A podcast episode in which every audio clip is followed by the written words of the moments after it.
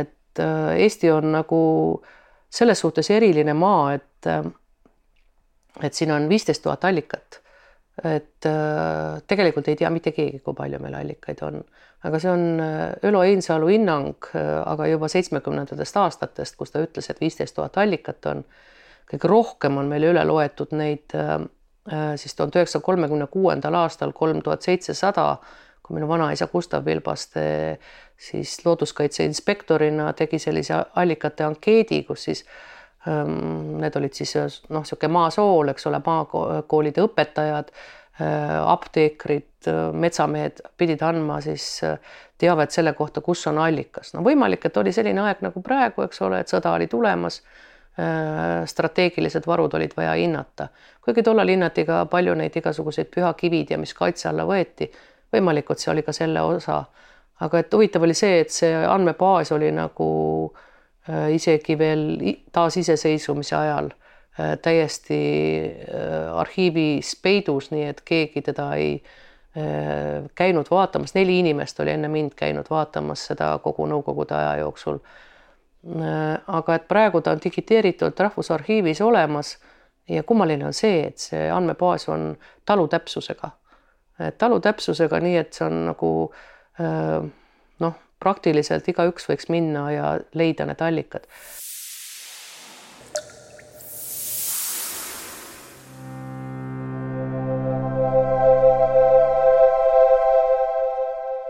veesõnumid on uuesti salvestamas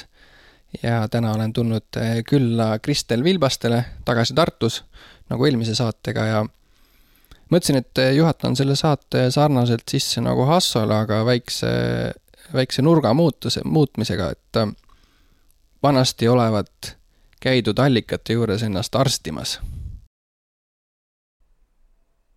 jah, et tere, et äh, allikad on tõesti ühed sellised paigad, kust ilmtingimata saab abi. kui, aga noh, küsimus on ikka selles, et kas oskad küsida ja ma kaua aega ei saanud aru, mis, mis äh, oli meie pärimuses, on selline lugu, et äh, allikatest tuleb tervist ja ja saab ka äh, sellist ka muud abi, aga et vastu tuleb anda hõbemünte. ja ei leidnud sellist tausta või, või miks see, miks sellised lood nagu tekkinud on.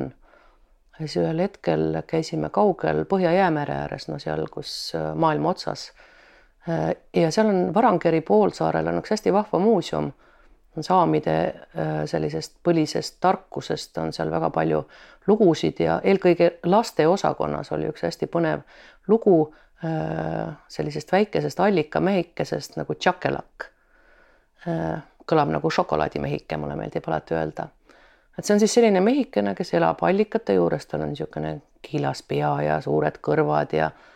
ja, ja siis mingitel hetkedel ta tuleb allikast välja. Äh, ja inimesed armastavad teda püüda, aga püüda siis äh, kahel põhjusel. esiteks on see, et Tšakelakil on äh, kõhus hõbemündid ja peas on tal ravitarkus. ja siis püüda saab teda nagu kahel moel, et üks on see, et jäetakse siis, kuna ta armastab väga jäätist, siis jäetakse allika kõrvale selline lusikas piimaga, äh, mis siis nagu jäätiseks külmub seal äh, põhjamaistes tingimustes ja siis ta üritab seda allika ääres seda lusikat kätte saada ja seda jäätist kätte saada, aga kuidagi ei saa ja kui ta seal rabeleb ja ja üritab seda teha, siis on võimalik teda kinni püüda. ja teine meetod on siis see, et selline saami nutuka jäetakse sinna äh,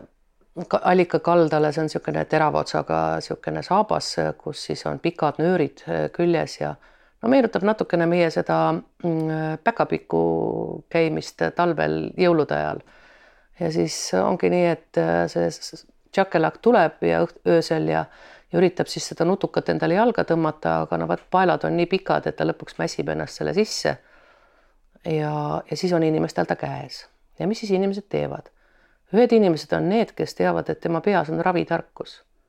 ja nad küsivad seda ravi, nii nagu meie teeme siin allika juures. aga teised inimesed on ahned. Äh, need löövad šakelaki maha ja võtavad kõhust hõbemündid välja. ja et äh, seda juhtub ka meil, et äh, korjatakse allikast need hõbemündid välja, teadmata seda, et need on ju keegi ära andnud sinna selleks, et saada mingist haigusest lahti. Ja vot siis jäädaksegi haigeks. et selline hästi armas lugu võib-olla alguseks mm. -hmm. ja kaks suunda siit, et esimene on see, mis ma mõned aastad tagasi lugesin, ma arvan, et võib-olla see oli kuskil Vigala Sassi raamatus, aga lugu siis selline, et kui vanasti mindi mõnest hiiepaigast mööda, äh, olgu siis kivi või puu või allikas, et siis alati tuli sinna midagi jätta. isegi kui ei olnud midagi jätta, siis otsiti taskupõhjast äh, mõni leivakübeke ja anti sellele paigale midagi. ja sellistest hõbe, hõbemüntidest sa juba rääkisid, et see andmise andmine, allikale pühakohale andmine? allikad on nüüd natukene teistmoodi pühakohad, et, et kui sa ütlesid, et kas see leivakübeke,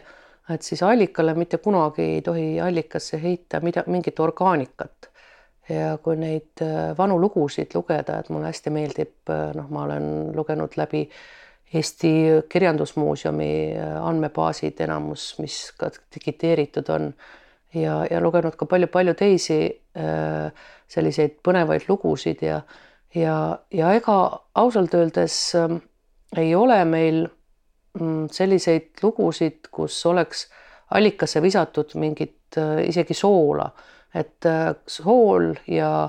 teravili ja leib ja kõik see pandi nagu allika kaldale. aga et äh, siis nagu ma ütlesin, see hõbemünt või hõbedane käis sinna allikal sisse ja see oli siis noh, seal on väga erinevad moed, et, et kas tuleb seda anda enne, kui sa vett võtad või pärast. aga et oluline on, et sa alati annad. et ka jällegi niisugune saami äh, lugu on sellest, et, et äh, neil on ju hästi oluline see, et noh, ka samamoodi, et igale asjale midagi annad. Ja siis äh, on hõbedane münt käib siis veele ja ja siis kuldne münt käib maale või noh, vaskne münt ma olen näinud seda, kuidas saamidel hästi kiiresti käsi käib, kui, kui näiteks nad satuvad see kivi kivi peal, sellised kivid, mis on nagu kaljurahnu peal, nii et mille alt öeldakse, et saab isegi nööri läbi tõmmata, et neil käib kohe kõlks.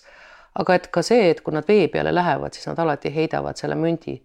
et äh, ka meil tegelikult on ju pärimuses äh, lugusid sellest, et, et ikkagi näiteks kui mindi mm, nagu äh, põldu esimest korda kündma, siis heideti niimoodi peoga selja taha terve suur hulk münte ja ja need äh, arheoloogid ju isegi räägivad sellest, need, kes praegu nende äh, piksutajatega mööda põldusid käivad, et äh, ütlevadki, et põldudelt on kõige paremad leiud just seetõttu, et et need, neid siia, sinna anti. aga noh, mis seal salata, tegelikult Eestis on kõige suuremad võib-olla rahaleiud, ei ole mitte kuskilt kellegi äh, majamüüri alt, et need on ilmselt allikakohtadest, sest allikas on selline koht, mis ei kao ära. kui sa puu alla matad või maja alla matad, siis võib-olla saja aasta pärast pole seda puud ega maja enam alles, aga allikas jääb ikka samasse paika ja sealt oli ka kerge välja võtta ja seepärast on neid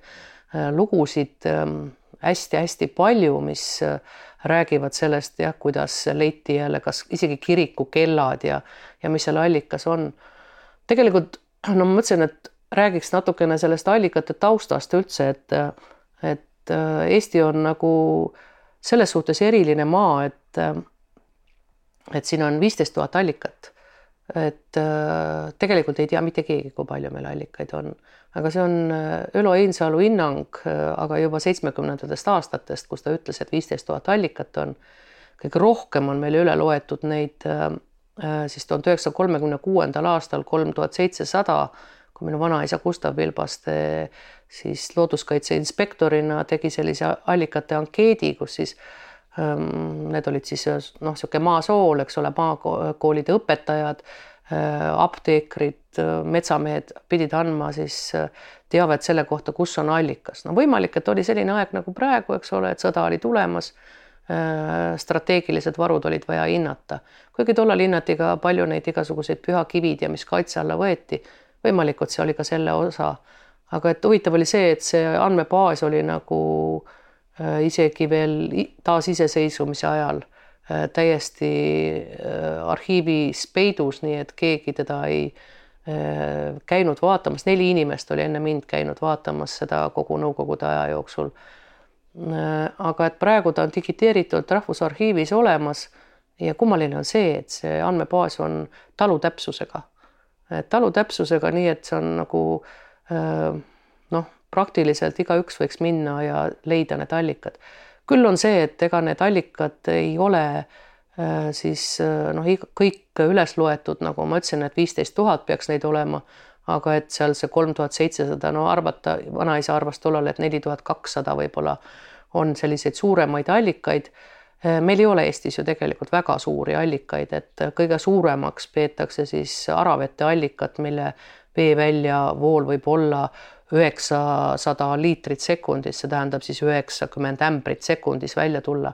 aga see ei ole mitte iga aasta, see on noh, ütleme kahe-kolme aasta tagant. Kui tuleb see kevadine üleujutus, siis Pandivere vee, veed, mis sealt tulevad, need hakkavad maa-aluseid jõgesid pidi, siis sealt Aravetelt ta välja tuleb. ja siis on tõesti suured üleujutused. aga et püsivatest allikatest oli varem, oli kõige suurem oli Norra allikajärv, kus oli isegi kolm tuhat äh, liitrit sekundis, aga et äh, sellega on nüüd nagu kehvem seis ja ta on isegi nagu kinni hakanud kasvama, aga seal kohe kõrval on näiteks äh, Oostriku allikas kaks kilomeetrit sealt umbes, mis on siis, et sada liitrit sekundis voolab korraga välja ja ja noh, tegelikult on meil ju selliseid kohti veel, kus, kust algabki kohe suur jõgi. Ja see on nagu hästi tore vaadata, kuidas nendes allikalehtrites, kus siis see vesi nagu üles tuleb, seal ujuvad ka siis veepõhjas forellid, sest noh, forell tahab sellist külma vett ja allikalist vett ja ja tõepoolest need noh, see vesi on nii puhas ja nii selge, et see on nagu põhjani näha. kõige sügavam on siis Sopa allikas, äh, mis on neli koma kaheksa meetrit sügav ja teda on siis ka tuhat üheksasaja seitsmekümne neljandal aastal siis mõõdetud aga et hiljem on äh, siis hinnatud, et äh, võiks ta olla kolm meetrit, aga paraku ei ole jah, selliseid äh, mõõtmisi tehtud, et mis see põhjus on, ma ei oska öelda. küll ma tean seda näiteks, et noh, käisin üks põhjatu allikas või puhatu allikas on Kuressaare lähedal viis kilomeetrit Pähklas, kus siis selle kalakasvanduse, need tihtipeale on kõige sügavamate ja suur, suurema veevooluga allikate taga on äh, kalakasvatus, nendesamade forellide kasvatus ja, ja siis Pähklas on ka kalakasvatus ja selle kalakasvatuse omanik oli käinud siis kalipsoga seal äh, veepõhjas, no ei tea, mis ta seal otsimas käis. Äh, abikaasa ütles, et noh, käis ikka kulda otsimas ja aga et olevat siis nagu kuskile kolme koma kahe peale jõudnud välja selle kõrgusmõõdiku ei näidanud, aga siis oli öelnud, et nii külm hakkas, et tuli välja, sest allikate vesi on nii külm, et seal tõepoolest äh, noh, seal ujuda ei ole võimalik. Ja noh, minu hääl ka praegu on tegelikult sellest, et mul on sauna kõrval allikatiik ja ma otsustasin seda puhastada ja ja noh, see ikkagi ta on eriti noh, kui sa mõtled selle peale, et et see vahe on, kui seal väljas on kolmkümmend kraadi ja allikavesi on suvel Eestis umbes noh, ütleme kuus koma kaheksa või seitse kuskil. talvel on ta viie koma kuue peal umbes, ma olen mõõtnud mitmetest allikatest, siis see, see vahe on nii suur ja ma isegi ütlen seda, et näiteks kui no meil on väga levinud need söerajad, kus käiakse nende peal, et seal noh ta,, tahtejõuga tegelikult, eks ole, sa häälestad ennast rahule, siis ma ütlen, et allikasse minek on äh, kordades raskem, isegi kui, kui see söerajale minek. Äh, aga et äh, suvel on allikas käimine raskem. Kuremäe allikal on võimalik seal suplusmajas käia et kui sa lähed kolmekümne pealt sinna, et talvel ma olen käinud ka miinus üheteist kraadiga, et et siis sinna sisse hüpata on nagu sooja vette, eks ole no,, ja jood ka ju seda vett nagu sooja vett, aga no seal on ainuke asi siis, et see, et kui välja tuled, siis pead käterädi maha panema, et muidu jalad külmuvad kinni äh, veega, vee külge sinna, et jäätuvad kohe ära.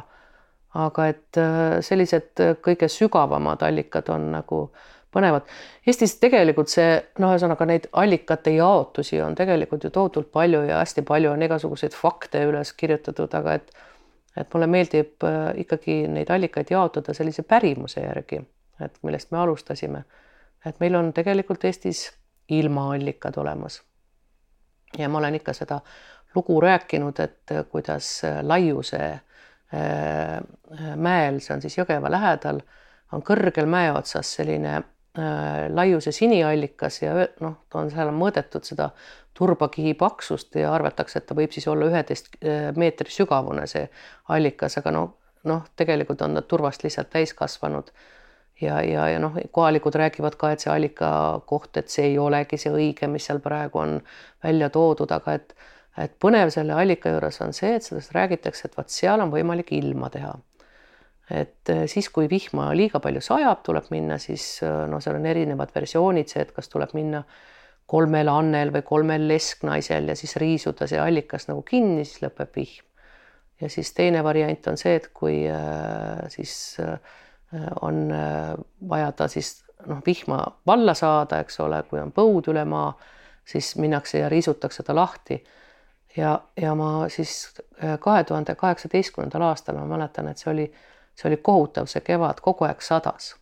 Ja, ja läksime siis peale abikaasa surma, käisime Rakveres ja siis ma lastega tulin tagasi ja ma ütlesin, et tahate, et ma näitan teile, kuidas siin ilma tehakse, et, et sajab ja vastik on, saate aru, et nüüd ma panen siit selle allika niimoodi, riisusin need tarnad sealt, see on niisugune kuuskümmend korda kuuskümmend, niisugune väike kastikene on seal see äh, allika raketis. Ja siis riisusin need heinad sinna peale äh, ilusti ja, ja ütlesin, et nii, enam ei saja ja kõik. See oli kahekümne kaheksas aprill ja viis kuud ei sadanud. see oli kõige, vist kõige põuasem suvi Eestis üldse, mis oli. ja noh, eks aeg-ajalt ikka sadas, aga noh, see oligi, et me käisime mingil ajal uh, see võis olla juulikuus vist kuskil, ma võtsin veel kolm annet kaasa ja püüdsin siis nagu heastada seda, mis ma enda arvates teinud on. loomulikult on hea tunda ennast sellise suure ja võimsana, eks ole. ja, ja läksime sinna siis Anne Maasik ja seal oli veel vahvaid inimesi kaasas. Ja Sirje Penjam oli üks, kes on niisugune loitsude laulja veel ja, ja, ja siis nad laulsid seal ja ja lõppes see asi sellega, et tegime siis allika nagu lahti ja pidi vihma sadama hakkama loomulikult no minu juures ei sadanud kunagi midagi kuni sügiseni välja. aga et Sirje ütles, Sirje Benjam, et kuhu, ükskõik kuhu ta läks, igal pool hakkas kohe sadama. nii et äh, vaat nende loitsudega peab olema nagu väga ettevaatlik. aga noh, mis see nagu selle äh, siis nagu ilma ennustamise seal põhjustab, noh, vot ei oskagi öelda. mu abikaasa Mikk Sarv ütles alati, et äh, ilma tegemine on üldse üks kõige lihtsamaid loitsusid et ütle ja taha, et see sadu läheb Saksamaale või vihm Venemaale, et ja ta läheb. aga, aga noh, ma olen, ma ütlen, et hiljem ka proovinud. Teiste allikate juurest on sama Ilmamäe allikas, kus mu enda maakodu on, seal on allikast kirjutatud üles selline lugu, et kui allika pind tõmbub tumedaks, siis hakkab vihma sadama. sellele ma saan nagu aru, et sellel on nagu loogiline lahendus, kui äh, ilm läheb pilve siis läheb ka allikapind tumedamaks. aga, aga, aga noh, veel on selliseid allikaid, on üks on siis üks meie kõige püham allikas, mille, mille kohta huh, ma ei oskagi öelda, et noh, nüüd on ta üles leitud ja aga mille kohta Aino Kallas on kirjutanud Püha jõe kättemaksu ja seal on kirjeldatud ka seda, seda Võhandu jõe algust. aga et praegu noh, ma olen mitu, mitmel korral sellest kirjutanud, on see, et et äh, kuidas Võhandu jõgi ju vanasti kõik teadsid seda, et Eesti kõige pikem jõgi on Pärnu jõgi ja see algab siis äh, Roosna alliku allikatest. Aga nüüd on siis äh, nii nagu vot sealsamas Norra oostriku allikates on ühele allikale antud minu vanaisa järgi Gustav Vilbaste nimi, Vilbaste allikad. nii on ka siis selle Norra oostriku allika nimi, kust algab Äh, siis Pärnu jõgi, sellele on antud Tiit Eipre nimi, nii et Eipre allikas on ta. Ja noh, ilus ja võimas allikas on ja tõepoolest tegelikult seal on neid allikaid palju ja ega keegi ei oskagi öelda, millisesse Pärnu jõgi algab. aga hullem on jah see, et mingil ajal otsustati, et vot Võhandu algab meil äh, hoopistükkis äh, kuskilt Saverna lähedalt soost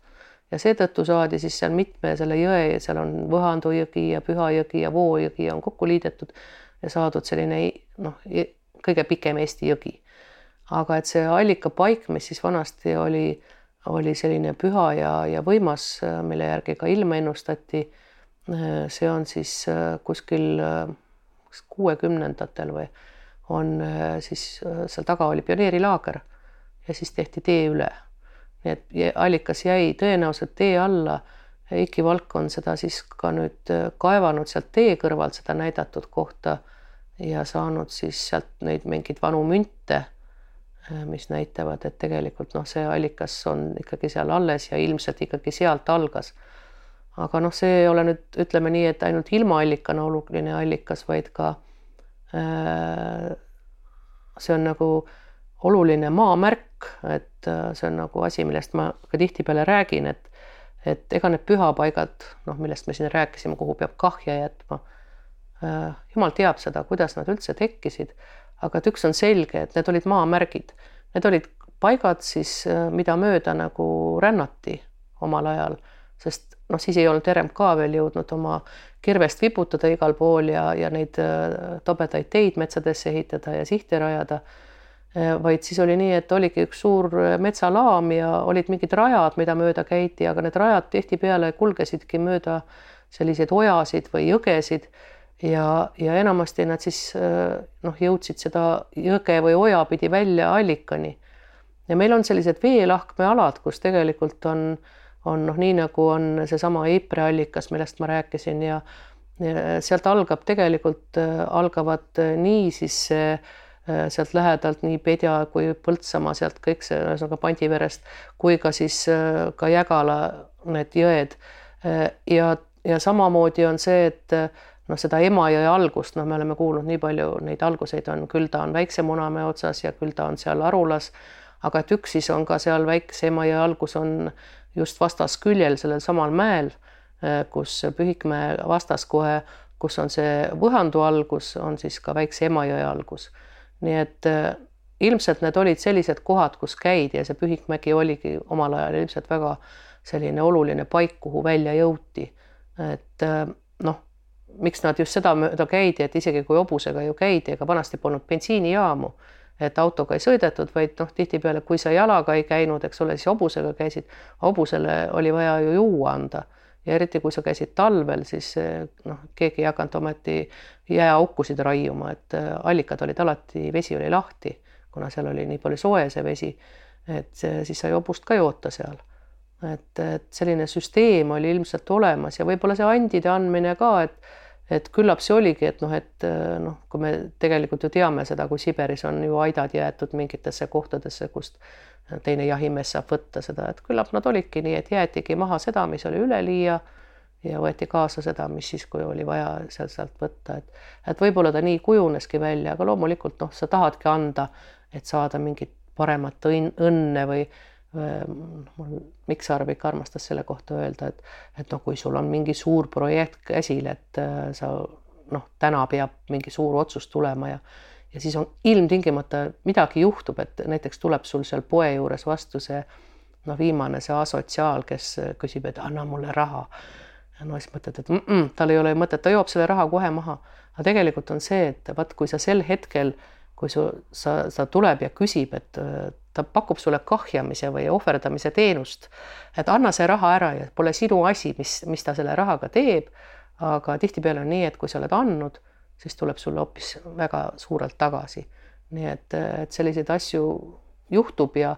ja noh, ma ütlen nende sama müntidega ka, kui ma ikkagi äh, olen neid inimestele õpetanud, et üks kõige noh, praegu kukeseene aeg, et kõige lihtsam asi, et no ühtegi mets, metsas ühtegi kukeseent ei ole, viska peotäis vaskrahasid äh, maha ja vaata, kuidas hakkab kohe tulema niimoodi, et igal sammul näed neid vaskrahasid. see oli nüüd ilmaallika jutt, et äh, on põnevaid allikaid, on veel sellised, mis on siis äh, viinaallikad, millest mulle meeldib ka hästi rääkida äh,. see on ilmselt äh, väga tihedalt seotud meie salaviina vedamise ja, ja, ja üldse sellise viina tegemisega, sest viin on olnud alati äh, riigi monopol, millega nad raha teenivad. Äh, ka mõisa, mõisas oli ta selline hästi oluline asi, aga viina ei saanud ajada noh, mustast veest, see pidi olema kõige puhnam, puhtam vesi.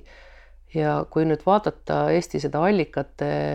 noh, paiknemist, siis kõige suuremad ja võimsamad allikad on enamasti mõisates. üks on siis enamasti selline noh, millest siis võeti joogivett, aga teine on siis kuskil selle viinaköögi juures ja on selline hästi puhas, selge ja kõige parem vesi. loomulikult oli ka siis maarahval omad sellised kohad, kus käidi seda salaviina ajamas ja see oli ka hästi puhta veega allikas, et et seal Oandu lähedal on üks selline allikas, kus oli siis talude peale ära jäet-, jaotatud, et et sel nädalal käis see talu ja siis oli teine talu ja nii edasi. aga et noh, sellised looga allikad, üks on siis turjekelder, kus suvi läbi on isegi ju tegelikult ta ei, hästi ei voola, aga aga see on selline tõeliselt müstiline paik, et kes sinna iganes läheb. Raske on sinna minna, sest see allikavesi kuidagi imbub seal nagu laiali, noh, ta on pangaalune ja see on niisugune hästi vesine ja aga kui sa kohale jõuad, siis see no vot ongi kelder või keldrivõlvid on seal, et selline suur võlv ja siis sealt seda vett tilgub ja ja, ja tuleb, et kevadel on seda allikavett seal rohkem, suvel vähem. aga et äh, lugu on seal jah see, et see on siis selline äh, vanapagana kõrts või koht, kus siis vanapagana vanaema umbes noh, müüb seal siis äh, viina ja pane ta sinna siis selle äh, oma kortli või topsi sinna vaskmündiga, siis on varsti münt kadunud ja viin sees. no tõenäoliselt oli siis äh, kuskil seal lähedal ikkagi mingi salaviinavedaja või ajaja ja, ja loomulikult nii saigi seda. aga, aga noh, tore on seda lugu kuulata. aga et noh, neid lugusid on ju tegelikult noh, meie lood on niisugused Äh, põnev on see, et vaatad, et siis äh, ühest kohas on nagu, mis on kirjeldatud, siis on hästi sarnaseid lugusid, on tegelikult ümberringi selle, noh, see lugu on läinud levima. Äh, kõige halvem oli see, kui meile kirjasõna tuli, et siis kadusid need piirid ära ja siis hakkas tulema ka siis üle, üle siis ühesõnaga noh, loetud raamatute neid lugusid, aga et, et näiteks noh, ma arvan seda, et näiteks see Ehm, Allikukivi allikas, mis on siis Kilingi-Nõmme lähedal Voltveti mõisas ja seal on siis selline kõige Eesti kõige kuulsam võib-olla isegi viinaallikas, kus olevat olnud mingi pulmapidu ja siis eh, kuna siis sellele hallile vanakesele ei antud eh, juua seal pulma ajal siis või süüa, siis ta nõidus kolm talu sinna maa sisse ja seal ongi tõesti sellised põlvid, aga no eks ta on niisugune punane liivakivi, mille sees see allikas on ja ja noh, siis öeldakse, et kas vaat kas siis jaaniöösel või või, või siis äh, uusaasta öösel see jooksebki viina, et need pulmaviinad jooksevad seal jälle, et tuleb minna, ma tunnistan, et ma olen käinud seal jaaniöösel ja no tegelikult ei äh, voola viina. Ma olen muidugi öelnud alati seda, et noh, et äh, kui südametunnistus on puhas, siis voolab, et aga noh, pole vist inimest, kes pole ühtegi pattu teinud, et et ju ta siis ei voolagi Äh, aga noh, need lood on jah sellest, et mingi hetk on mõisahärra seal siis äh, tahtnud, noh, avastanud selle äh, noh, et maarahvas saab sealt omale viina ja siis ta on käinud, läinud ahnelt neid tünnidega vedama ja kuidas siis on see viinavool kinni pandud. Et lisaks muidugi nendele viinaallikatele on meil ka mõduallikad, et aga see on nagu tingitud ilmselt väga lihtsast asjaolust, et kuna Eesti veed on suhteliselt sellised leeliselised või ühesõnaga pH on kuskil kaheksa peal, siis äh, noh, maitse järgi saab väga lihtsalt äh, noh, öeldagi seda, et mis, mis, mis veega tegemist on. ja need just need leeliselised veed on äh, kuskil hästi magusa maitsega.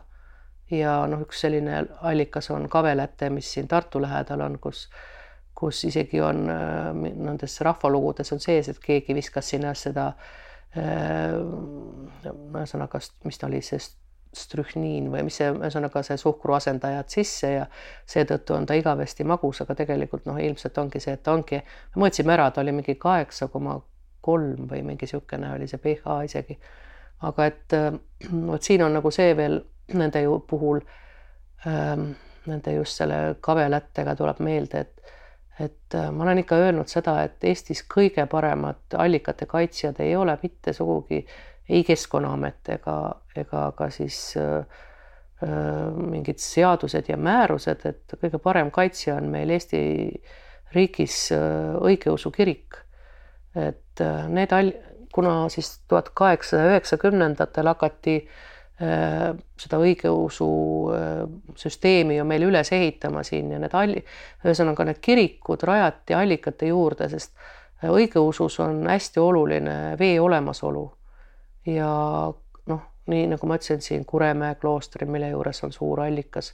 seesama kaveläte, kus jah, on suur, siis on üks musta läte on äh, Karilatsi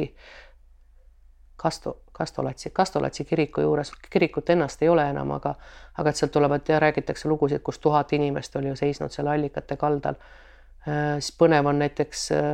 äh viinuallikas on Orissaare lähedal äh, ka selle kiriku juures, seal on küll kahjuks see, et seal on käisin sel aastal vaatamas, ta on siis noh, ühesõnaga Saaremaal ja seal on kohe noh, ta on väidetavalt enne juba Meierei veed jooksid sisse, aga nüüd on seal suur selline hobusetall ja kõik muu, et et ta on täiesti saastunud, aga aga noh, tohutu vee väljasurvega ikkagi, et on suured allikad, hästi võimsad suured allikad. noh, tegelikult ilmselt mingi aastate jooksul, kui seal nagu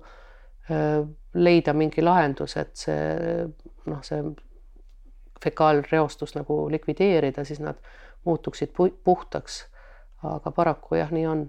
aga et me tegelikult noh, oleme ka äh, teiste maade seas, äh, võib-olla see on üldse Põhjamaade selline tava, et me oleme äh, muust maailmast natukene erilises staatuses, sest juba ütleme niimoodi Valgevene ja isegi Põhja-Läti juba, et ja, ja kõik need katolikumaad, et seal on nagu see veega suhtlemine, ka see õigeusk, et see on nagu noh, kirikuõpetaja asi või kellegi teise, ühesõnaga see on nagu vahendatud kogemus, et sa ei saa nagu ise minna võtta. Eestis on see asi tehtud väga lihtsaks, eks ole, et lähed ise allikale, annad mündi ja, ja võid seda vett võtta. aga et seal on jah see, et keegi vahendaja annab sulle selle vee ja siis see on tohutult püha ja ja isegi see, et noh, kui see õigel ajal võetud on, näiteks õigeusus see Jordani päev, see on jaanuarikuus et kus siis seda vett äh, võetakse ja pühitsetakse, et siis, kui sa aasta läbi on ta ravitoimega, et kui sa ühe tilgagi seda vett paned noh, teisele veele sisse, siis äh, muutub see jälle pühaks, et mul on siin äh, põnevad, ma olen korjanud oma arvuti alla neid äh, kõige maailma kõige pühamaid niisuguseid vette, üks on eelmise aasta kogemus Roomast, kus ma vaatasin, et oh, veepudeleid müüakse, niisugused väiksed pisikesed ja mõtlesin, et tore, et ostan, et näed siit Vatikanist, et selle Püha Markuse katedraalist, et et, et väga kihvt. Ja siis ma viskasin nagu selle müüjaga nalja, et noh, et aga kus siia vee sisse saab? Ja ja siis äh, käis tohutu nende telefonidega helistamine seal siis ja, ja varsti tuli niisugune pikas taalaris niisugune noh, ma arvan, ta ei olnud munk, see oli mingi tähtsam mees ja läks kuhugi minu pudeliga kuhugi taha ruumidesse ja tuli siis sellise tohutu pühitsetud veega, et et ma arvan, mul on siin nüüd väga hea vesi täitsa olemas ja teine on näiteks, mida ma hästi hindan, on see Lourdi allika vesi, mis on äh, Prantsusmaal on üks niisugune püha allikas. huvitav, et need noh, sellised püha vete niisugune kummardamine võib-olla algaski niisugune tuhat kaheksasada üheksakümmend või see lõpp et äh, kuskil äh, noh, selle Lurdi allika puhul, mis on siis Püreneede siis äh, põhjaküljel, on noh, seal on isegi dokumenteeritud on ja siis Vatikanis kinnitatud, et on mingid juhtumid, kus inimesed said terveks ja need on, aga et noh, need ime sellised allikate avanemised on mingil noh, ju oli siis vaja midagi. Ja see vesi on olnud nagu ikkagi ütleme nii, et see on ju kõige olulisem asi meil elus. Ja vee niisugusesse mõjusse noh, usutakse ja ja ma olen seal Lourdis osalenud ka sellisel ähm, noh, ma olen noh, metsa poole inimene tegelikult ma ütlen, et ma ei, ma ei äh, ole kiriku inimene, aga aga ma saan aru sellest massipsühhoosist ja ja tegelikult noh, minu jaoks oli seal kõige olulisem võib-olla ikkagi veega seostumine ja ja seal Lourdis ja selline kaks tuhat inimest marssisid siis seda kahte tuhandet kilome- või kahte kilomeetrit õhtul nendele küünaldega ja laulsid Ave Mariat äh, ümber siis selle Jumala emaga ümber selle siis allika ja kiriku, noh, kirik on sinna allika peale ehitatud. Et äh, ja nad noh, tõesti loodavadki abi ja see, kuidas on siis seal äh, sajad sellised ähm, noh, nad on ratastoolides inimesed tulnud sinna ja loodavad sellele abile ma arvan, et see, see ka aitab, et noh, kui nüüd Eestis tulla nüüd nende tervendavate allikate juurde, et äh, ma ei väsi seda rääkimast, et kuidas üks niisugune põnev allikas on, mida ma nagu olen rohkem uurinud, on helmeallikas. Ja ja siis on nii, et äh, selle allika kohta on hästi palju lugusid. ja saja viiekümne aasta jooksul on kirjeldatud seal seda, et, et sellest arstleallikast, seal on kaks allikat, üleval on Helmede allikas, all on arst, arstleallikas ja selle arstleallika veega on pestud silmi ja isegi kaest tervenetud, mis tundub mulle natukene noh, võib-olla noh, võib-olla ei osatud tollal lihtsalt kaet kirjeldada, võib-olla see oli mingi lihtsam asi, aga eks seal oma loogiline järeldus on ka see, et see tänapäeva inimeste suurim häda on ju see, et silmad kuivavad ära.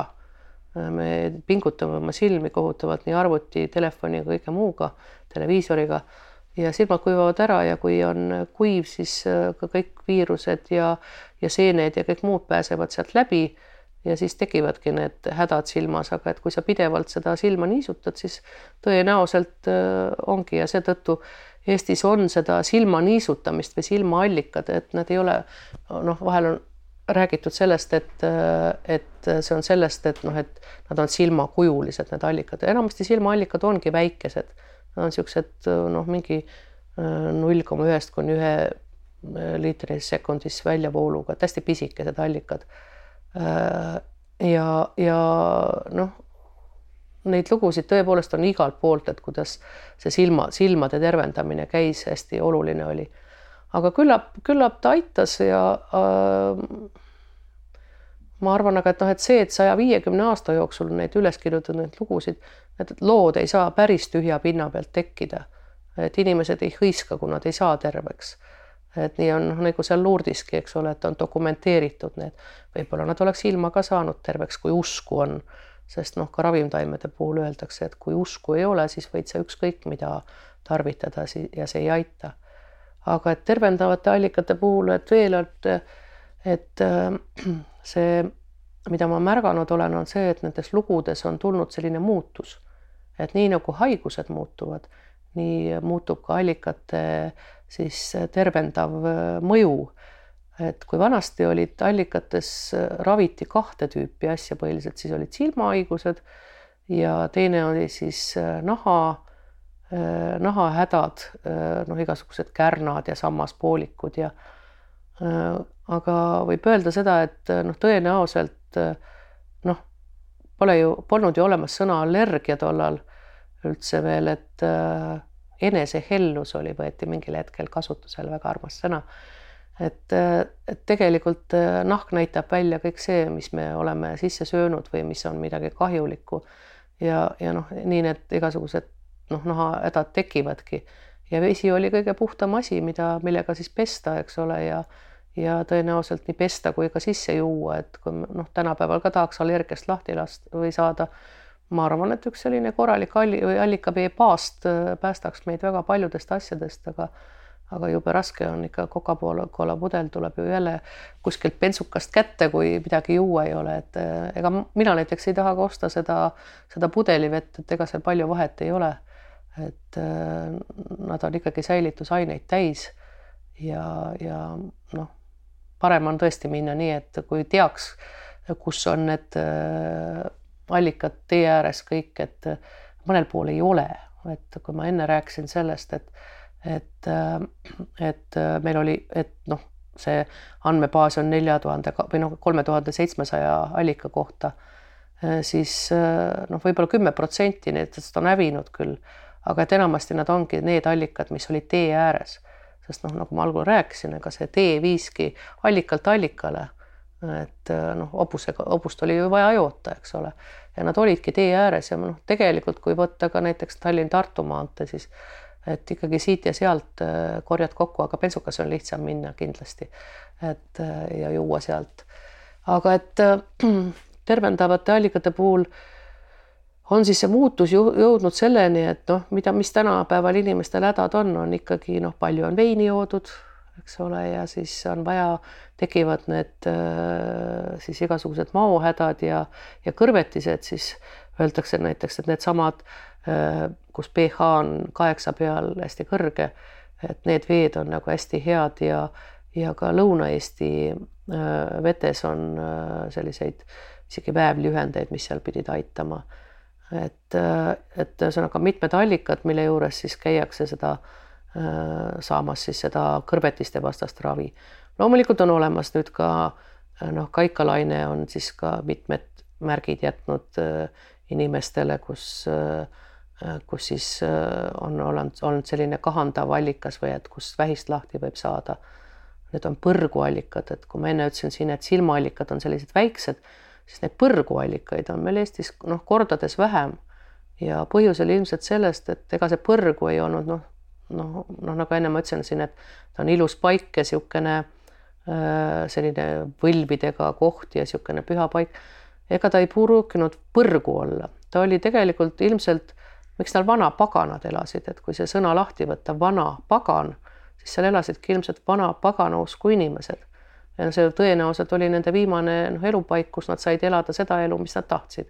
ja noh, kirjeldataksegi, et seal olid need, äh, need äh, hundid ja karud olid seal nagu koduloomadena. no praegugi võetakse vahel endale mõni metsast mõni koduloom ja kasvatatakse üles. et kui ikka vanem on surma saanud, eks seda kasvatatakse, ju need nii välja nägid, need põrgud ja, ja nende, need olid ilmselt äh, sellised pühapaigad, kuhu ka eriti ei noh, mindud ja ega neist ei räägitud ka aga kui ikkagi jäi ette, ütleme niimoodi mõisaärale selline koht või kirikärale, siis loomulikult need hävitati ja seetõttu polegi neid väga palju järgi, noh ilmselt ka väga paljude selliste pühade allikate, suurte allikate peale on ehitatud kas siis mõis või tõesti kirik ka. et üks väga kuulus ja võimas paik on tegelikult olnud näiteks Kuusalu allikas ja äh, sealt on lood sellest, et kuidas jah, et seda, seda vett on ju viidud isegi pudelitega väljamaale, noh, raviveena. Et teine allikas, mille vett on niimoodi müüdud, on meil, on äh, siis äh, see Kuremäe allikavesi, seda müüdi isegi Tallinnas oli, oli Kuremäe kloostri abikirik, kus siis müüdi äh, selle pudelis olid punni all see vesi ja müüdi. see vesi ka ei lähe halvaks, nii ühesõnaga ta seisab väga pikka aega, kuna ta on puhas. aga et, et selliseid, sellise no ühesõnaga noh, lood sellest, et neid, seda vett sai, viidi, siis see pidi olema selline võimas paik. aga et Kuusalus on ka seal kirjeldus sellest, et, et äh, meie enda rahva jaoks oli see nii püha paik, et seal, seal pesti surnuid äh, enne siis nagu seda põletamise rituaali ja, ja noh, mingi lugu on sellest, et kuidas mingi suur väepealik oli saanud sealt siis sellise võlusärgi selga, et et ta oli siis ähm, ühesõnaga seal allika juures teinud suure ohverdamise ja kolmsada härga ohverdanud, see tundub muidugi noh, see on terve lauda täis äh, noh, pulle, et pidi ikka olema noh, võimas värk aga et olevat sellise siis võlusärgi selga saanud, et ükski nool teda ei võtnud. aga et äh, sellest allikast jah, paraku ei ole väga palju järgi. et äh, ta on noh, kiriku õues ja ja põhjus ei ole muidugi mitte selles, et seal kirik on, vaid põhjus on selles, et ta jäi äh, sellise linna või noh, algava küla, küla või linna alale ja, ja neid teid ehitati. ikka teed on need, mis veesooned kinni panevad ja siis see vesi läheb roiskuma ja, ja siis pole tast enam abi. nii, nüüd ma olen nii palju rääkinud, kas sa tahad küsida ka vahepeal? ja äh,, käisin, elan Peipsares, käisin eile äh, naabrinaisel külas ja siis mainisin, et tulen Tartusse ja siis nüüd sa jutu käigus mainisid ka Gustav Vilbaste. ja siis vaata naabrinaine ütles, et Vilbaste kutt. ja mm -hmm. ehk sa oskad rääkida mõnda isa avastusi või isa lugusid veest? ja ei, seal on, vaat nüüd on nii, et äh, see minu, see on minu vanaisa ah,, Gustav Vilbaste mm, -hmm. aga see Vilbaste kutt, see on minu onu mm.. nii et ma arvan, et tema oli selline ühesõnaga, kuna ta oli nii tubli skaut, siis ta lõi pioneeriorganisatsiooni, kuna ta sattus mopiga sinna äh, laskurkorpusesse ja ta ei tahtnud muud asju teha, siis ta õpetas lastele salamisi pioneeri äh, laagrites, õpetas neid samu skaudi tarkusi ja meil oli ju isegi see skaudi äh, kutsung, see Ole valmis, oli ju tegelikult pioneeriorganisatsioonil et tema oli see, kes jah, õpetas selliseid loodustarkusi, minu isa ei tegelenud veega, tema oli ornitoloog, ta uuris linde ja ja jõhvikaid, aga et äh, vanaisa oli jah, siis ühesõnaga vanaisa puhul oli see, et teda on nimetatud allika uurijaks ja ma ei teadnud kaua aega seda, et miks ta seda oli, sest noh, seda andmebaasi ma ei olnud näinud. Ja ma mäletan, et noh, täiesti õnneliku juhuse tõttu, et kuna ma Metsainstituudis töötasin, siis sel päeval, kui ma Rahvusarhiivi helistasin, siis seal oli tööl üks endine Metsainstituudi töötaja ja vaat ta viitsis nagu minna ja ja otsida sealt siis lõpuks välja need, et et äh, mul on tegelikult õudselt kahju, et meil on tegelikult tohutu varamu igasugustes arhiivides, aga need on sattunud niimoodi noh noh, nagu meil on siin need iga need ujutused ja mis siin toimub äh, nendes arhiivides ja ja, ja nad satuvad kuskile vale koha peale. ja, ja neid ei leia keegi ülesse, aga et siis on see, et, et mingi õnneliku juhuse tõttu võid sa leida selliseid väga põnevaid asju, et ma tegelikult olen nüüd aastaid otsinud ja ma ei ole suutnud leida üles seda, et ma tean, et kui vanaisal see kolmekümne kuuenda aasta äh, see noh, ühesõnaga see loendus oli siis ta mingil hetkel märkas, et ei ole pärimust ta küsinud selles. Aga see oli ka asi, mida, kuna ta oli ka etnobotaanik, et noh, see oli asi, mis teda noh, kõige rohkem tegelikult huvitas just see pärimuse pool, et ta ei ole seda küsinud inimestelt. ja siis ta tegi, kuna tal oli oma ajakiri, loodusvaatleja, eh, siis ta tegi selle kutsungi, kas oligi kolmekümne kuuenda aasta lõpus, et saatke allikate kohta pärimust ja ma olen üksikuid asju nagu pärast niimoodi noh, mõned on seal ka kolmekümne seitsmendal aastal avaldatud ja ma olen üksikuid asju noh leidnud siit ja sealt ja noh, mingitest noh, perearhiivist, aga aga mulle tundub, et see selline põhjalikum, kuna mul vanaisa oli selline väga korralik äh, katalogiseerija, siis need tõenäoliselt peaksid olema kas ERM-is või kuna ta testamendiga jaotas siis kõik oma sellised kataloogid, jaotas laiali instituutide ja muuseumite vahel, siis need võiksid kuskil olla, aga ma ei tea, kus koha peal need on. Ja ma arvan, et seda, seda noh, ühesõnaga niisugust kolmekümne kuuenda aasta pärimust äh, võiks olla hästi palju, et, et see, mida meil Eestis palju on, on praegu on see, et kolmekümne üheksandal aastal, tuhat üheksasada kolmkümmend üheksa äh, tegi siis, tehti ka selline äh, pärimuse korjamine kooliõpilaste seas. Hästi palju on selliseid lugusid, mis siis noh,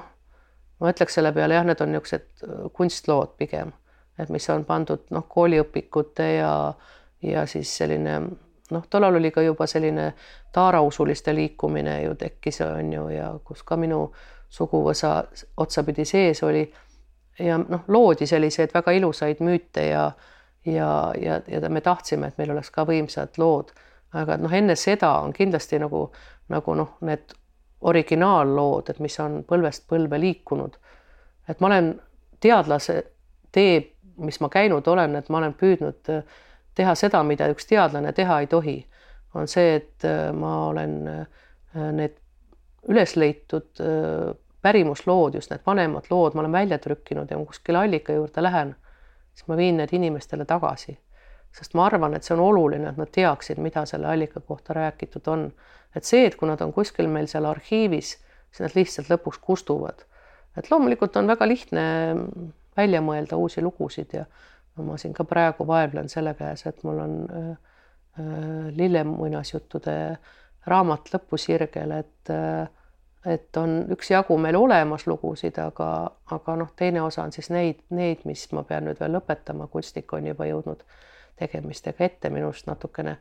et kus ma siis pean nüüd mõned välja mõtlema ja tegelikult, kui sa seda tunned, seda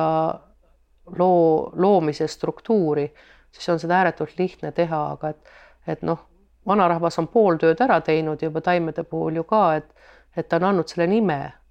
ja sellest nimel, nimest tihtipeale noh, taevaredel näiteks Anijala puhul või et seal peitubki juba see, see ühesõnaga see lugu, et seal on natukene vaja veel edasi arendada, et nii on ka ilmselt allikate puhul, et noh, see allikas näeb mingit moodi välja või no tegelikult on ju see, et eh, meil on Eestis nagu väga selge joon, et eh, siis ühesõnaga põhja pool on meil sinised allikad kõik ja need nimed on ju ka siniallikas ja ja, ja sellised noh, ühesõnaga sinisega seotud asjad. see tuleneb sellest allikalubjast, mis sealt allika põhjast välja tuleb ja kui seda, see niisugune valgene, niisugune tärklistataoline ollus, mis isegi krudiseb nii nagu tärklis ja seda on allika põhjas ja see teeb niisuguseks müstiliselt ilusaks, vaat needsamad Norra oostriku allikad või, või noh, Tallinna lähedal Saula siniallikas näiteks, et, et see värv on nii ilus, aga need on sinised, nad on sinised või siis rohekad toonid. Huvitav on see, et sinise ja rohelise taju on meil väga erinev. Ja, ja, ja huvitav on ka see, et kuidas fotoaparaat võib seda muuta, et kui te lähete näiteks nendel Norra oostriku allikatel, mis on siis looduspiltnike meka, pildistama, siis see, mida sa silmaga näed, ei ole üldse see, mis seal foto peal välja tuleb. et see on hästi põnev, aga et siis kuskilt see Vändra joon kuni siis see punane allikas seal Alatskivil, et see on siis see, mis jookseb läbi Eesti, kust algab see ülevalpool on siis see paekivi, eks ole, ja allpool on siis punane pae et liivakivi ja vot need liivakivi allikad ongi siis kõik punased allikad. ma ütlesin enne punane allikas, see, et äh, see on selline põnev, põneva looga, see on see meie ainukene äh, noorendav allikas Eestis, et aga vot see on nüüd küll noh, ilmselgelt selle ütleme taarausuliste ja võib-olla selle kolmekümne üheksanda aasta kõige põhjalikum lugu ongi kolmekümne üheksanda aasta äh, Tartu kooliõpilase üleskirjutis sellest, kuidas äh, siis sealt käidi pesemas ja kuidas õige äh, kitsama aru peal sai siis nooreks ja laiema aru peal ei saanud, et kuidas jaaniöösel seal käidi. ja aga et neid punaseid allikaid on noh, ma ütlen, et kõik need ähm, noh, rebase, rebane tuleb sisse ja raua ja kõik need on ühesõnaga niisugused punased, punast värvi allikad on, neid on ridamisi jookseb välja. natukene on neid punast värvi allikaid ka seal Narva lähedal.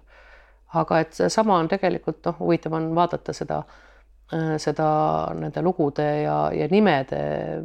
joont, et, et neid jooni annab Eestis ikka hästi palju vedada, et, et äh, noh, kui ma neid vanemaid lugusid vaatan, et siis hästi lihtne on nagu selgeks saada, et kõik, mis üles kirjutatud on, kui seal on noh, ühesõnaga, kui see on äh, allikas, mis asub allpool äh, Suure Emajõe joont ja ida pool siis Väikse Emajõe joont, siis tegelikult nad peavad olema lätted. kui seal on nimetatud allikas, siis tähendab, et see on mingi uus kunstlugu. noh, ühesõnaga uuem lugu, mis ta nüüd kunstlugu, tegelikult on väga tänuväärne, et keegi viitsib neid uusi lugusid välja mõelda ja edasi rääkida. aga et kui seal nimetatakse allikas, siis on need ilmselt noh, ühesõnaga põhjapoolsed inimesed. Äh, Mulgimaa ja sealt edasi on need Alliku nimelised, et äh, meil isegi perenimedes on seda allik hästi palju ja, ja huvitavalt ka Hiiumaal on see allik aga, aga siis äh, ülevalpool on allikas ja, ja noh, mingi aeg ta teda noh, kirjapildis isegi noh, kirjutati hallikas. et ma ei, oska öelda, miks teda hallikaks kutsuti. kas siis see vesi oli hallikas? Äh, ja siis noh, tuleb see lähte, tuleb seal ikkagi, need on siis need, kes seal Soomega kuidagi ühendusesse põhi, põhi, põhjaranna rahvas äh, täitsa ja noh, Sõrve on muidugi kõige põnevam kant, et seal läks see väga pehmeks, seal on aligas. et äh, aga noh, kui sa neid asju tead, siis noh, ma ütlen, et ma olen ikka rääkinud seda lugu, et see äh, Saku Läte on nagu kõige lollim äh, reklaamnimi, mis üldse olla saab, et et noh, Saku see noh, siis sellest saadki aru, et see Saku Läte on tegelikult ongi hall kapp, kus maapõhjas seda vett üles pumbatakse. et meil on natukene, ma, mulle ei meeldi see praegu areng, et et meile allikaveeks nimetatakse kõike seda, mis nendest põhjakihtidest välja pumpatakse. et noh, andku sellele mingi muu nimi, aga meil on jah, hästi palju on praegu, tuleb seda allikavett, aga see ei ole Eesti häda, et meil noh, see on tulnud koos sellise kõige rahaks tegemise süsteemiga. aga et noh, selle häda on ju see, et ega see vesi ei seisa enamasti. mis sa tahad müüa noh, ilmselt saab ka ilma säilitusaineteta, aga ma ei tea, kas äh, need normatiivid lubavad seda, et sa võid poes müüa midagi väga mahedat, et ma ei tea, mõned võib-olla on siis ilma, aga, aga noh, see sakuläte on noh, äh,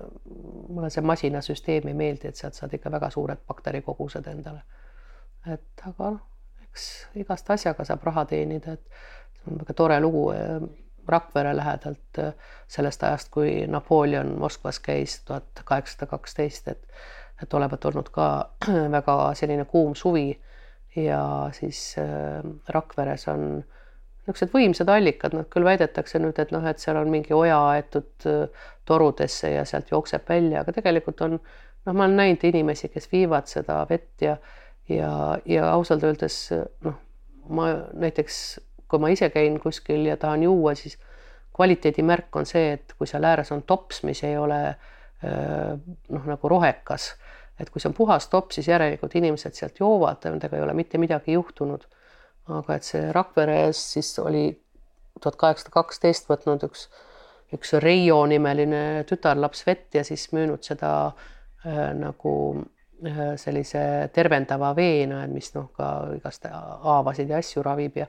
läinud oma käiguga siis Narva, kus vist need lahingud olid ja ja aga tee peal oli vett, vesi otsa saanud ja siis ta oli võtnud kuskilt kaevust juurde ja müünud ikka ette, ette edasi. aga siis äh, rahvas oli teada saanud ja jube kurjaks saanud ja siis võeti ta, pandi Rakveres kaelaraudadesse sinna seisma, et niisugune häbiväärne lugu, aga noh, meil praegu neid veeärikaid ei panda. aga tore noh, et inimesed saavad raha teenida, aga ma arvan küll, et peaks jooma seda puhast allikavett pigem kui seda seda pudelivett, et äh, seal on ju ka fenoolseid ühendeid tegelikult hästi palju sees, et et see, mida me ei taju, et mida rohkem kasutame, seda rohkem sealt eritub seda. et need on nagu selle Tõnu Püssa uuringud on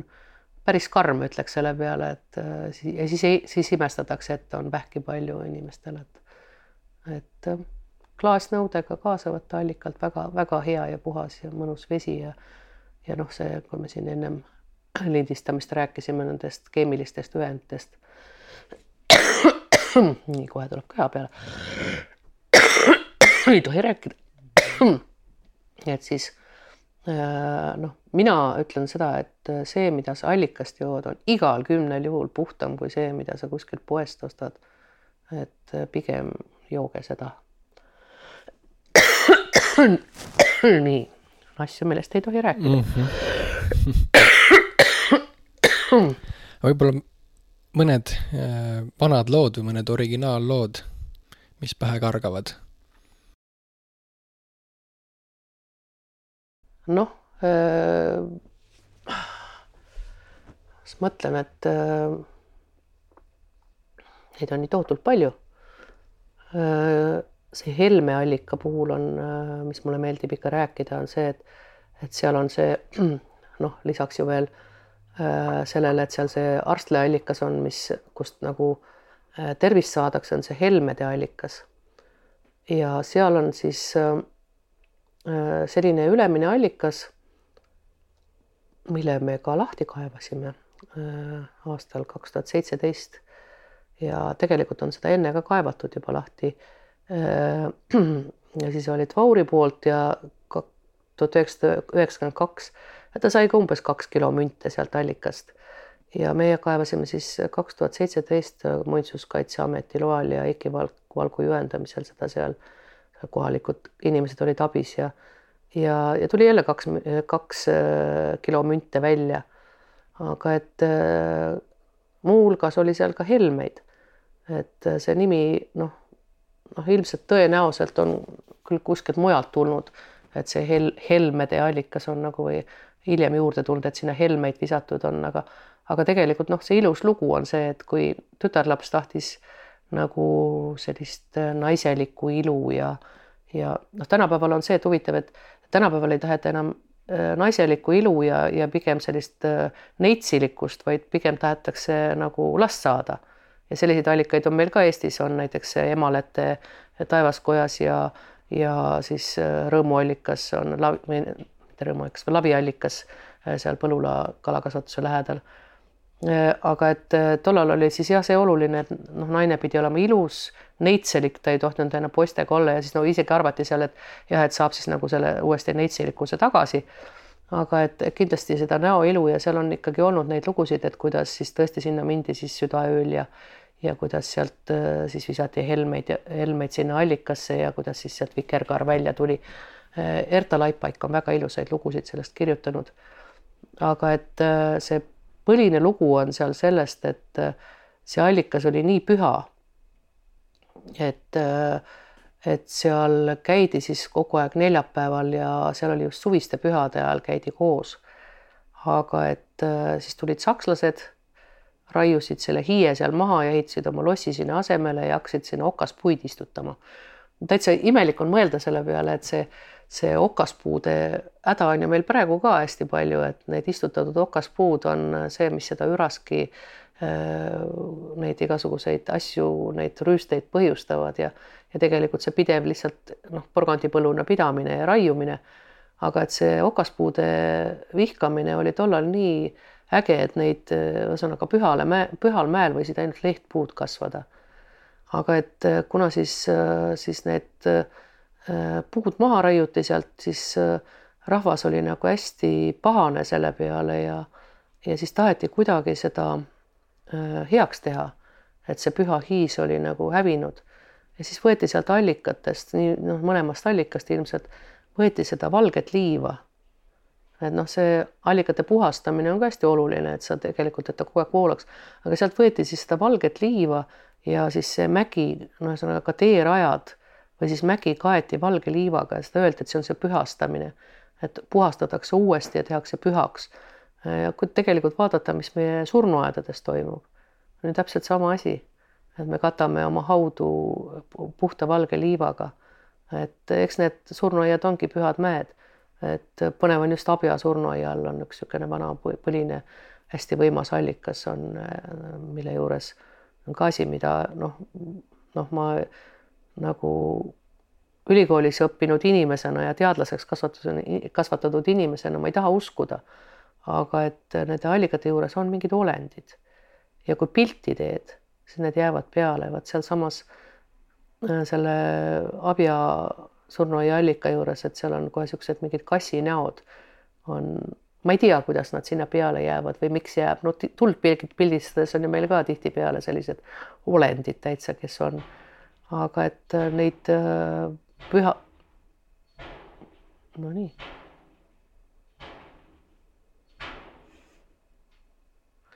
Neid pühakirju või noh, asju, mis on nagu, kui sa pildistad allikat, siis tuleb täitsa välja. Äh, aga et, äh, et see Helme allikalood on nagu hästi võimsad ja, ja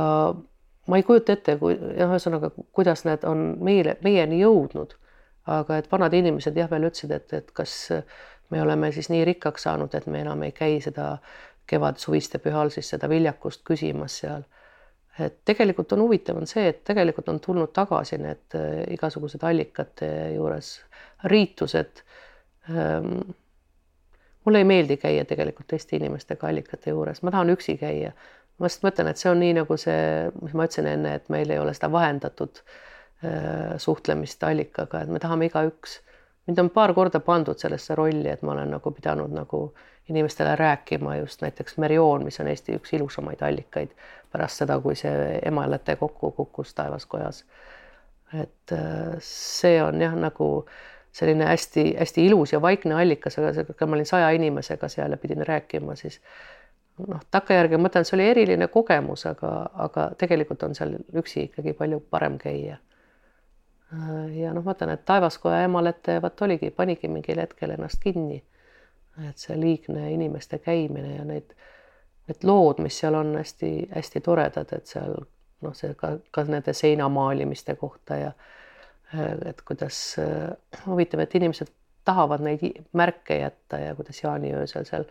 ikka riputati sinna alla sinna siis seal seina kohal siis noh, käidi ja siis oma tüdruku nime sinna kirjutamas seina peale ja kuidas üks sõber alla lasi teda seda nööriga ja mingil hetkel siis ei tea, kas sealt allikast tuli keegi vaim välja või igatahes oli mingi hetk oli ainult härja pea oli seal selle, selle nööri otsas, mille ta üles tõmbas ja mees oligi kadunud. Aga et äh, põnev on see, et äh, ega need lood ei ole niisama. et äh, noh, vot sel ajal, kui ei olnud ju veel tegelikult seda kirjalikku noh, me ju tegelikult oleme võib-olla noh, kakssada aastat võib-olla kirjarahvas ja koolirahvas kindlasti, et me ei ole koolis midagi enne õpetanud et äh, enne seda ikkagi väga palju õpetatigi nende samade lugudega, nii nagu need noh, põlised loitsud ja ja, ja sellised äh, tegevused taimedest, ma ikka neid uurin, et need on jäänud siis äh, noh, nende laste mängudena, noh kukk või kana, noor või vana, need on, on nagu hästi, nii on ka need allikalood on olnud, nad on midagi õpetanud, et õpetanud seda, kuidas näiteks seal allika juures puhtust pidada. Et üks lugu on, see on nüüd see jälle kolmekümne üheksanda aasta lugu sellest noh, ma saan aru, et see inimene tahtis nagu väga või see laps tahtis väga midagi avaldada ja siis kirjeldas seda, kuidas sakslased tulid ja ja siis äh, mingi, see oli mingi pangaalune allikas kuskil äh, Äh, Põhja-Eestis, kuidas siis tulid siis need sakslased ja siis äh, tapsid loomad ära ja pidasid seda pidu ja orgiat ja siis seda härjaverd vooras, voolas sinna allikasse sisse ja kuidas allikad läksid roiskuma ja siis need sakslased muidugi surid sellesse äh, noh, ühesõnaga sellesse roiskunud veesse ära ja vaata, et kuidas allikas maksis kätte. aga tegelikult väga hea õpetus, et kuidas, kuidas nagu noh, mida ei tohi teha või noh, näiteks noh, see, et on allikad peetud pühaks, et üks Otepää lähedalt on üks lugu allika juures see, et et ei tohi karjuda allika ääres. Tegelikult on hästi tobe see, et sa öeldakse, et no mine metsa karju ju seal ennast tühjaks on ju. tegelikult noh, ma arvan seda, et mine metsa ja kallista puud või, või kuula seda ojavulinat ja, ja sa saad nagu tegelikult noh, palju rohkem nagu seda rahu tagasi. aga et see jah, see karjumise koht oli selline lugu, et poisid läksid karja ja ja muudkui karjusid ja, ja laamendasid ja siis olevat allikast tulnud verist vahtu välja ajav niisugune vasikas välja ja ühesõnaga pärast seda olid poisid vait kui sukk, et et enam midagi ei teinud, aga noh, nii ju, ju nii õpetati neid asju, et see oli nagu väga-väga lihtne ja noh, ma ütlen, et, et kindlasti ei olnud vaja tollal äh, selliseid ähm, noh, selliseid looduskaitseseadusi. et äh, ma saan aru, et kui minu vanaisa oli omal ajal noh inspektor, siis ta saigi teha seda looduskaitset, ta oli üksi terve Eesti Vabariigi peale kolmekümne kuuendal aastal, aga tal oli viissada usaldusmeest, need olid needsamad, kes olid võib-olla kogukonna sellised hoidjad ja nad teadsid neid kohti. aga nüüd on meil, ma arvan, et ma ei tea, palju, kaks tuhat ametnikku või palju neid on. ja ausalt öeldes loodus on nii kehvas seisus, et, et ei ole vist kunagi varem olnud ja ka allikad, et et noh, mul on täiesti arusaamatu see, kuidas näiteks mingi metsaraie ajal lihtsalt, kuna see ei ole registrisse kantud allikas, siis ei ole tal mingit kaitset, siis võib lihtsalt selle arvesteriga tüminal sealt üle sõita, on ju, maapõhja tallata selle ja isegi kui seal see mees näeb, et seal on rakked, isegi üks kõrbeallikas, ma käisin siin Tartu lähedal, Tarakpere lähedal on see allikas no näed, et selline puhas selge vesi, eks ole, aga kui sinna on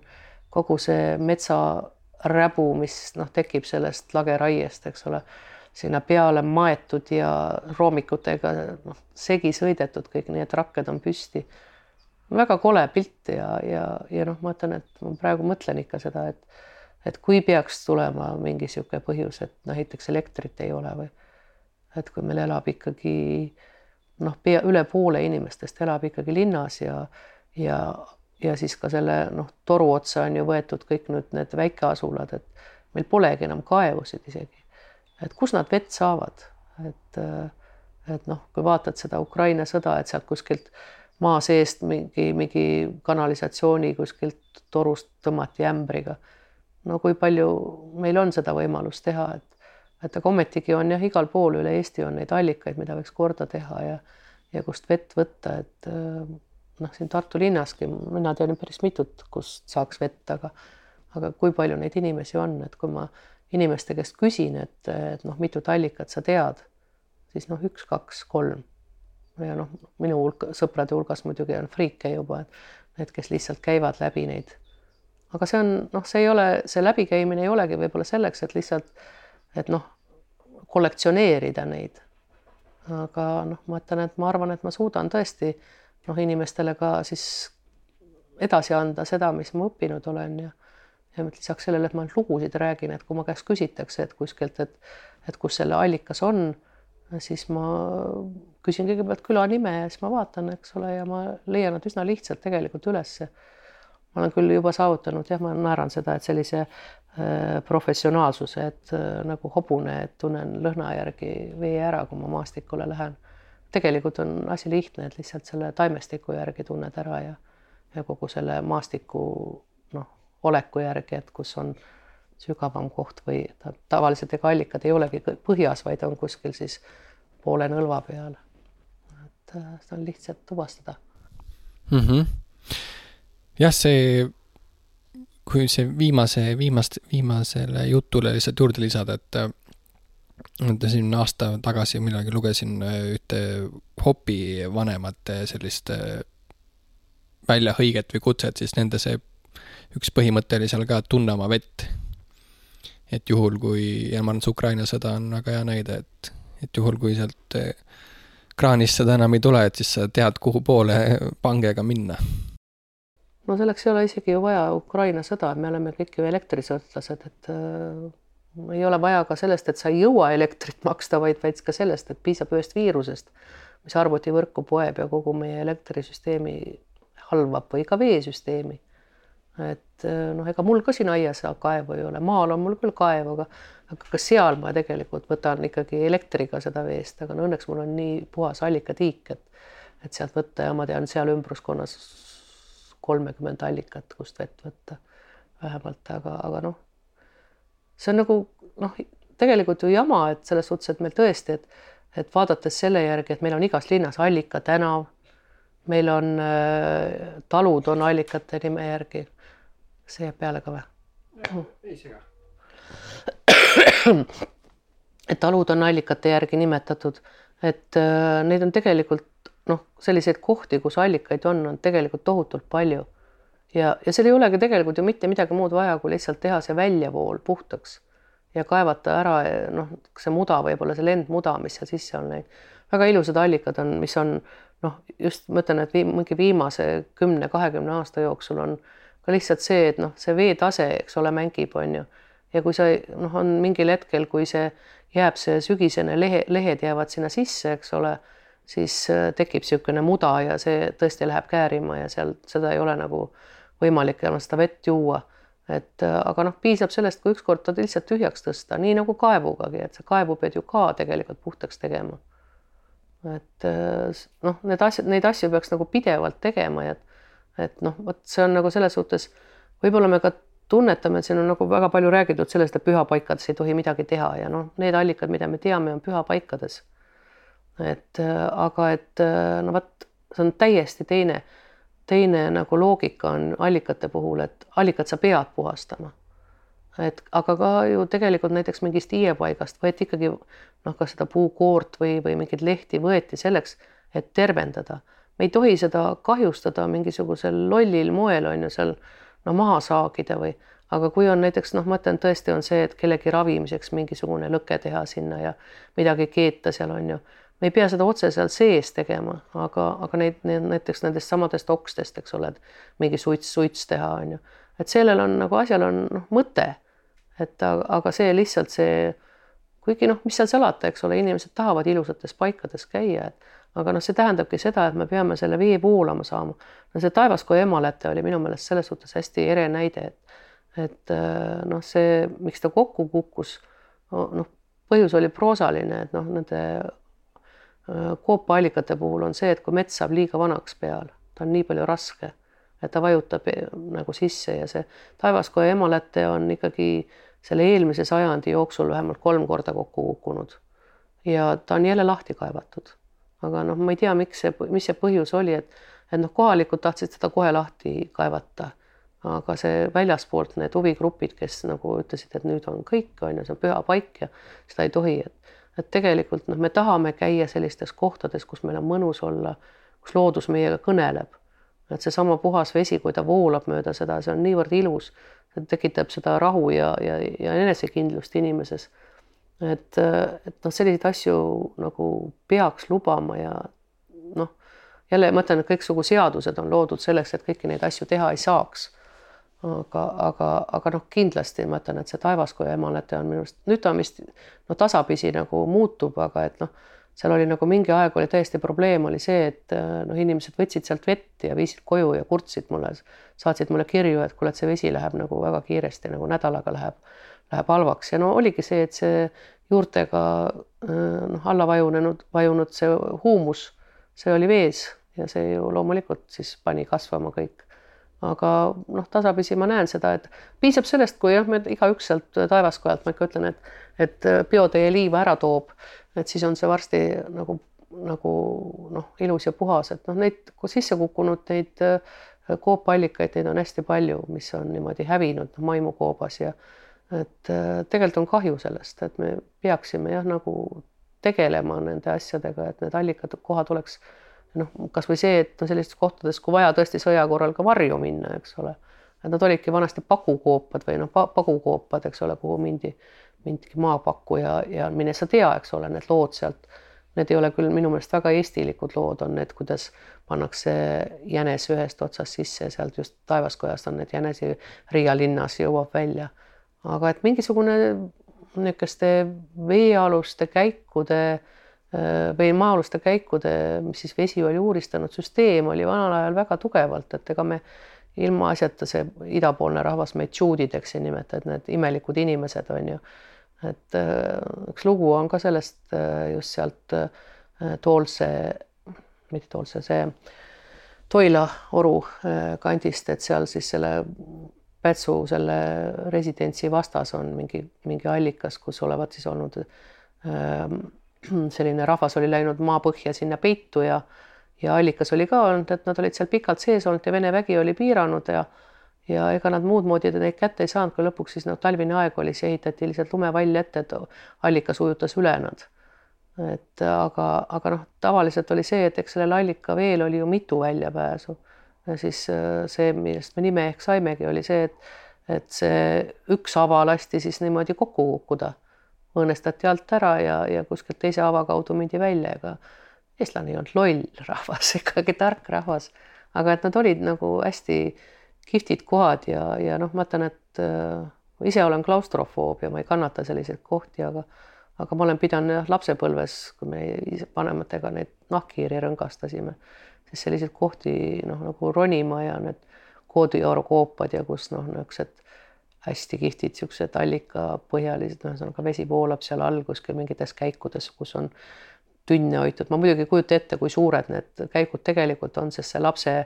kujut-, noh, mõõdu, mõõdud olid teised, aga no ju seal midagi ikkagi oli, et seal räägitakse jah, see on see kõige võimsam põrgute süsteem, et sellest on isegi Eisen kirjutanud, et kus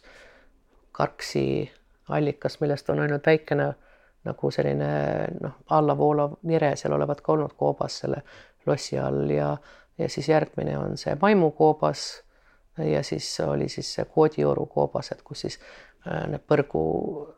emandad siis lume või seda leivalabidat muudkui viskasid, ma ei tea, kui suured nad olid siis, aga aga neid on noh, huvitav lugeda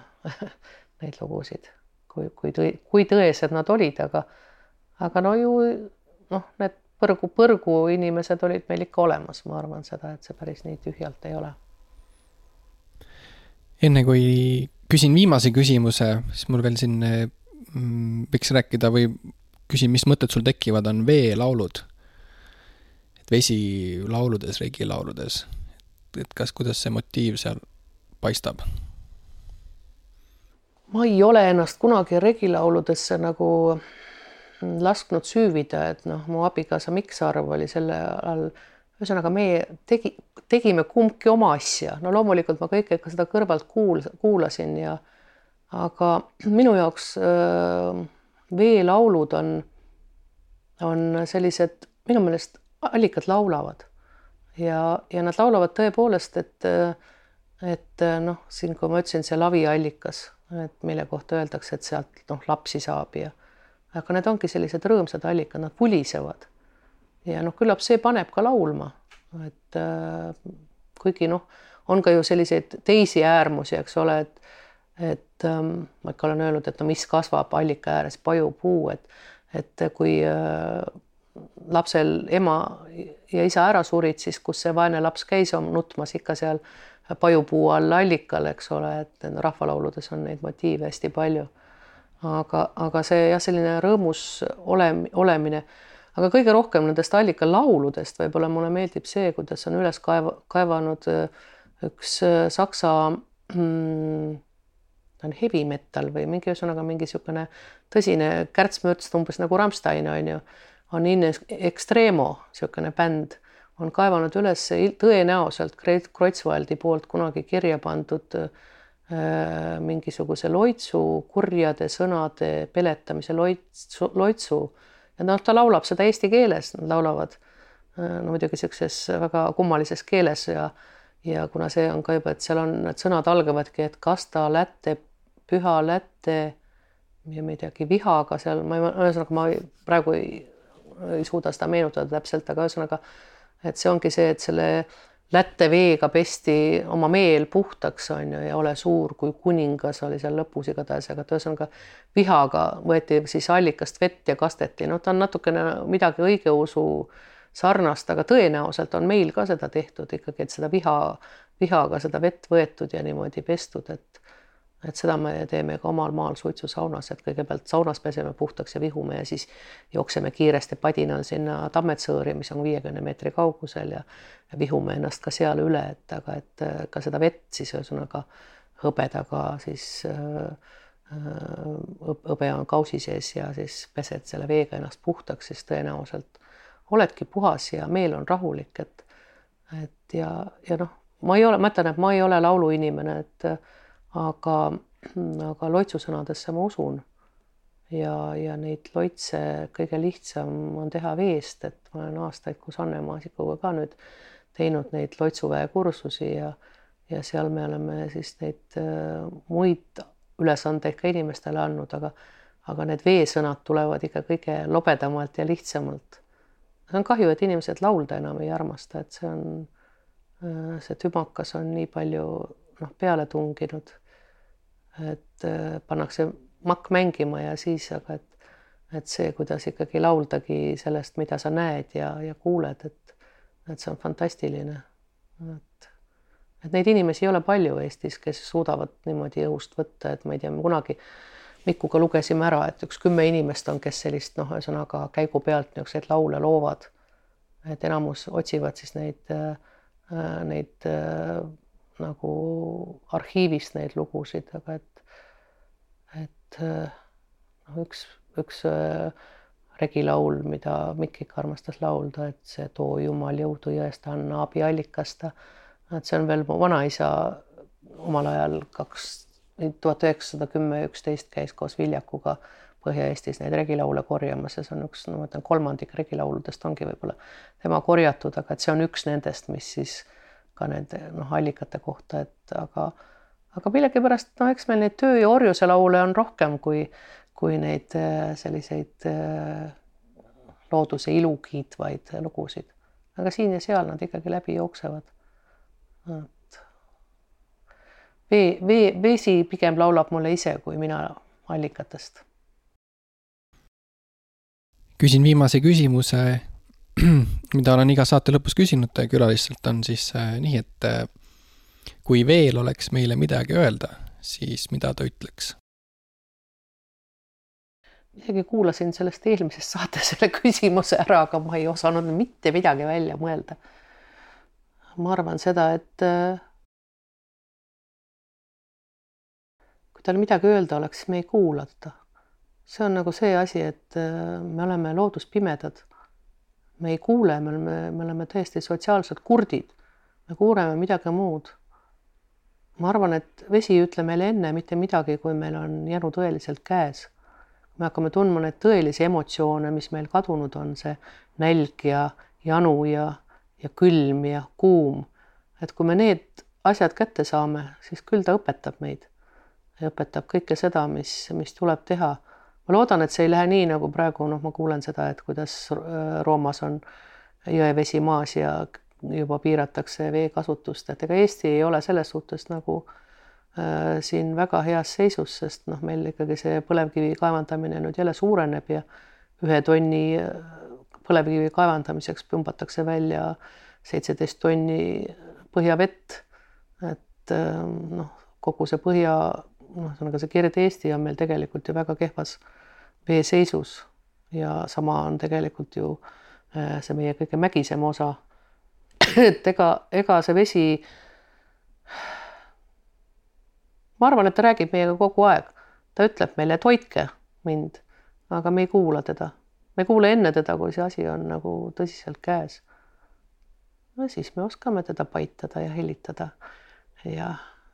juua väikeste lonksudega, et jätkuks. Aitäh sulle mm! -hmm.